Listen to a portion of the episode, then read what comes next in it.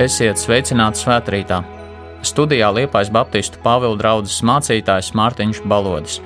Ieklausīsimies svēto rakstu lasījumā no Mateja evaņģēlīja 13. nodaļas, 45. un 46. pantu.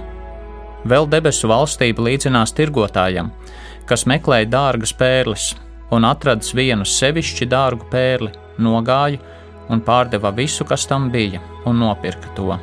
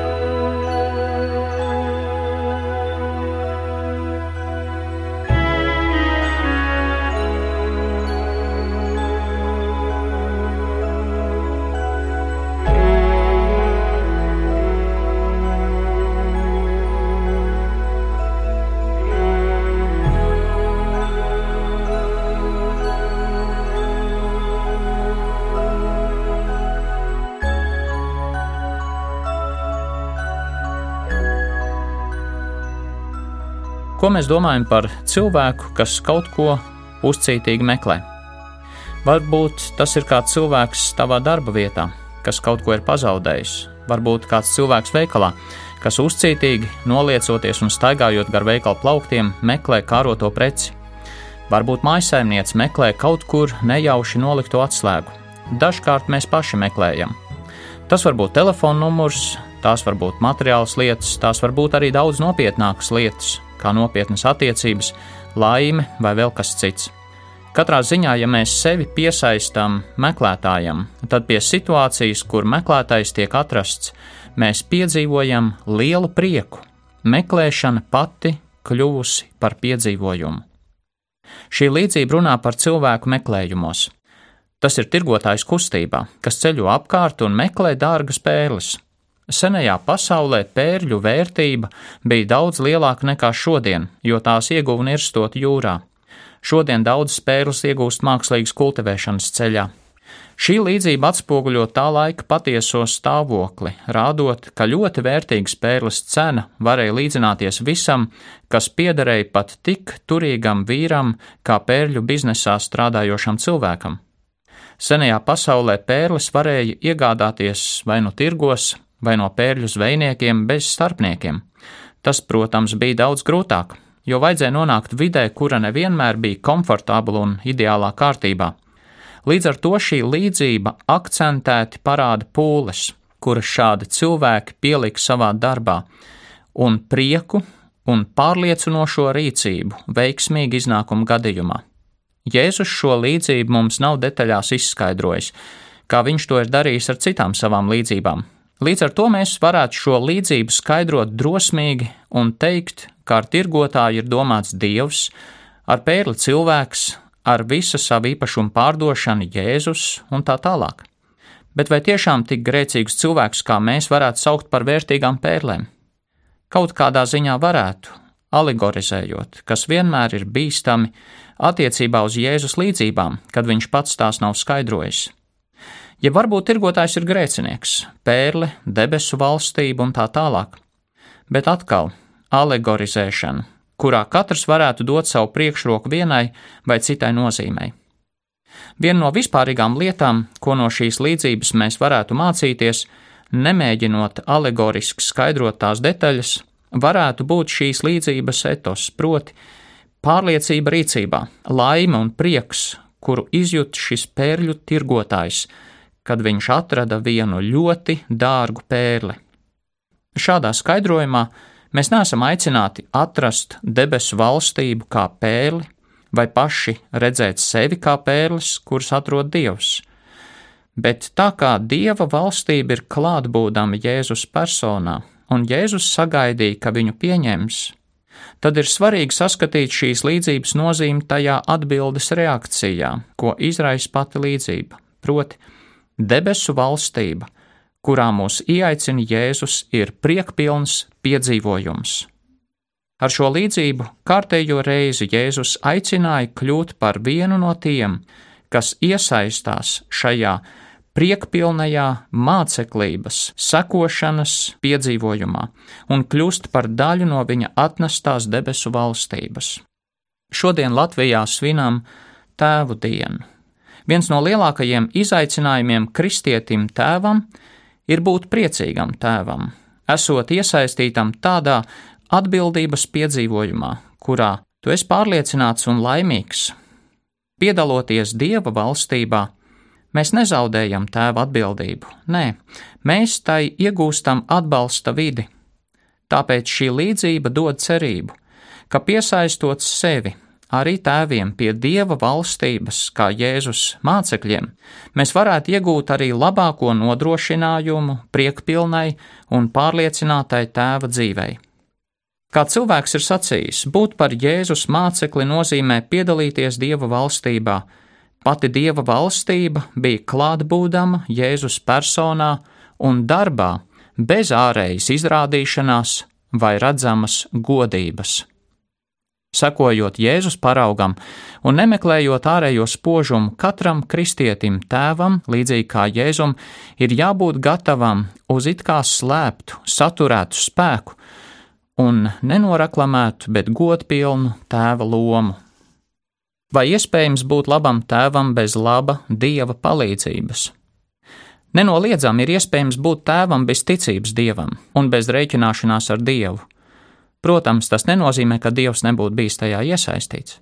Ir iespējams būt bezatbildīgam, jeb kļūdu pilnam tēvam, tas nenozīmē, ka Dievs tāpēc būtu nepieejams. Bet neviens nespēja būt labs tēvs tikai tāpēc, ka viņš zina, ko tas nozīmē. Tam varētu būt vairāk iemesli, piemēram, ārēji neietekmējami, kurus nevaram atrisināt dienas laikā, kā ekonomiskie, politiskie vai sociālie apstākļi bet varbūt arī lietas, kuras varam ietekmēt, bet kurās ilgtermiņā pieviļam sevi vai citus, kā rakstura jomā, attiecībā uz kaitīgiem ieradumiem, spriedzes apstākļos un tam līdzīgi. Daudz tēvu dzīves ir kā amerikāņu kalniņi - uz augšu un leju, tad uz sāniem un tā tālāk. Citiem tā līdzinās tauriņa neparedzējumam lidojumam, vēl citi dodas caur dzīvi kā autosportā. Pēc Bībeles skatoties radīšanas stāstā, vīrieša lomas pamata definīcija neizriet no tā, ka vīrietis ir labs salīdzinājumā ar citiem vīriem. Pirmajā vēstulē korintiešiem 11. nodaļā Pāvils saka, ka sieva ir vīra godības atspulgs. Tātad, cik labs ir vīrs, to nosaka sieva, viņas apmierinātība, piedzīvotā mīlestība un tā tālāk. Jebkura vīrieša patiesā vīrietība tiek pirmkārt jau definēta attiecībās ar sievieti, jo tā bija veidots arī pirmais vīrietis Ādams. Līdz ar to katrs vīrietis ir radīts ar nepieciešamību pēc attiecībām, pirmkārt ar sievieti, kurās uzrādās viņa labums. Dievs jau radot viņu tā bija programmējis. Nākošie bija bērni, nevis citi vīri, draugi ārpus ģimenes. Lai vīrs būtu labs vīrs savai sievai un tēvs būtu labs tēvs saviem bērniem, tad ir jāatgriežas pie radītās kārtības, un šeit nu vajadzīga Dieva palīdzība, jo esam grēkojuši, un tāpēc šķirti no Dieva, kas sākumā visu radīja labu. Mūsu grēks ir tik ļauns, ka mēs svētā Dieva priekšā negūstam nekādu iespēju kaut ko bilst.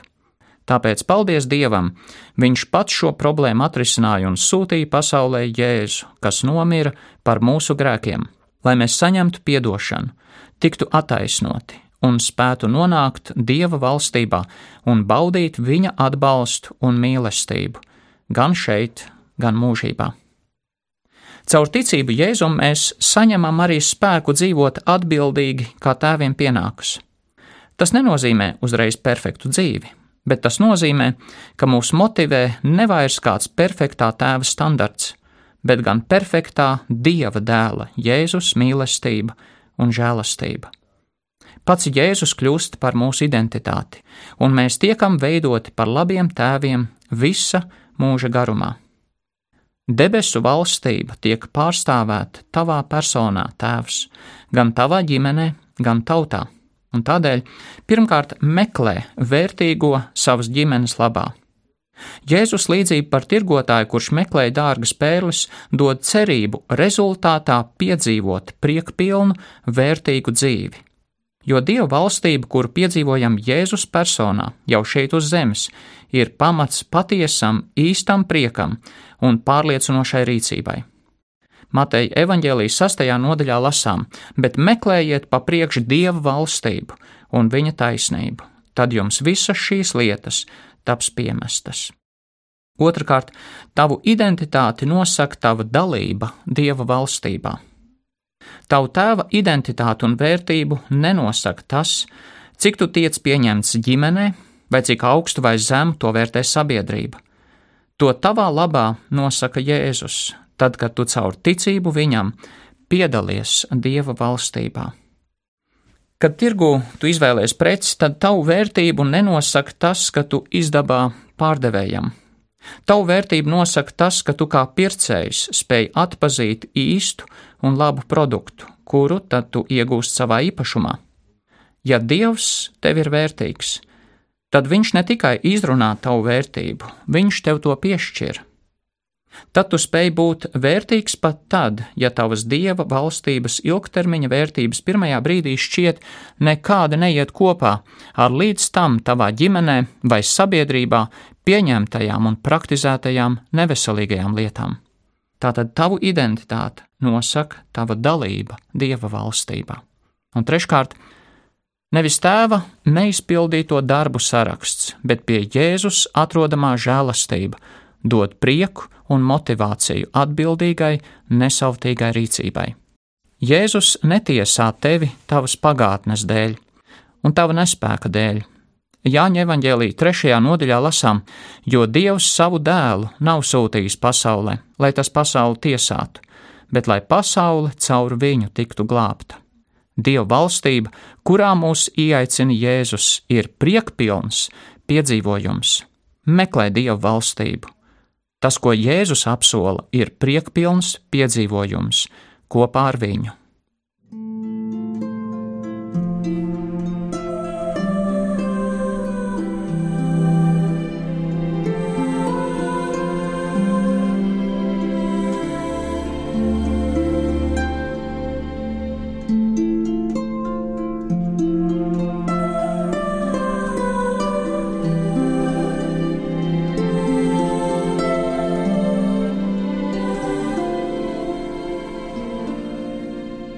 Paldies, Jēzu, ka tu atnāci, nomiri mūsu vietā par mūsu grēkiem.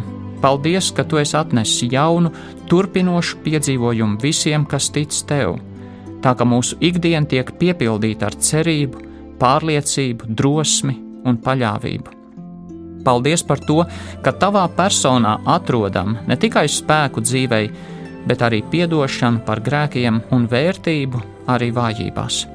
Mēs lūdzam par tiem, kas ir cietuši katastrofas savās ģimenēs.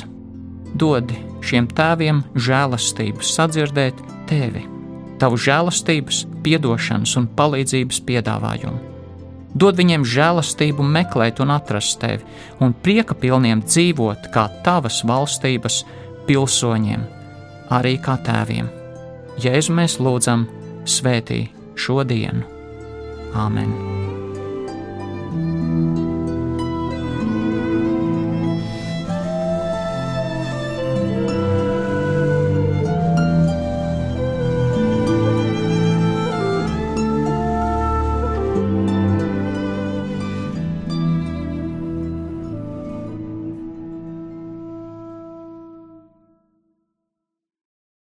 Studijā kopā ar jums bija Liepājas Baptistu Pāvila draugs mācītājs Mārtiņš Balodis.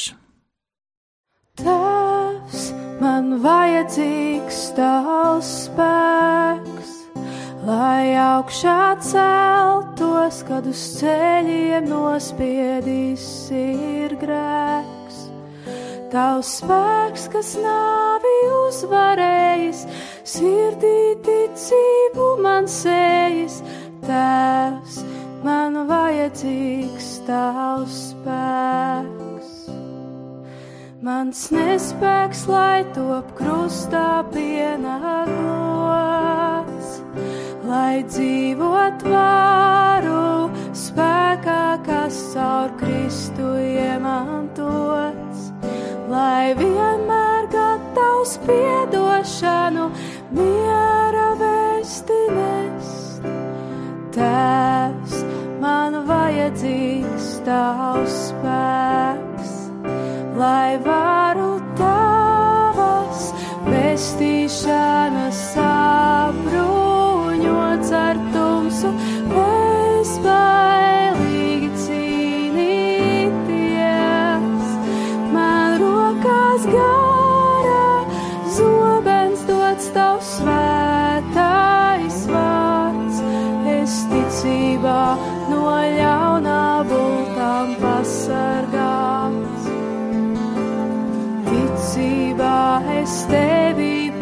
sargās. Tēvs, paldies, ka pieder man tavs spēks, lai arī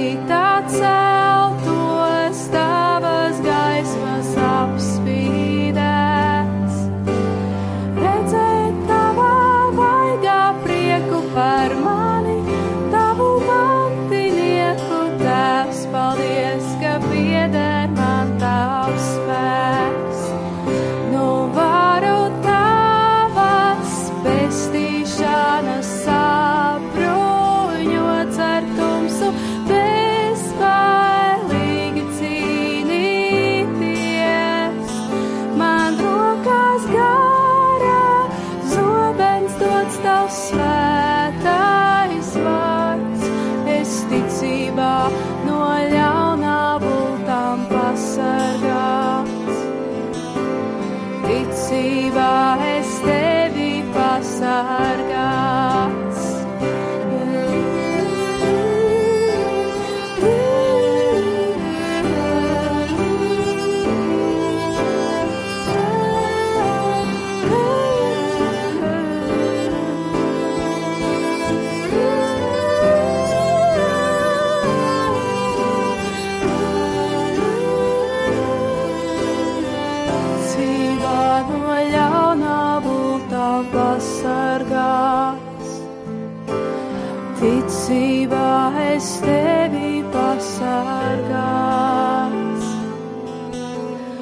Tēvs, paldies, ka pieder man tavs spēks.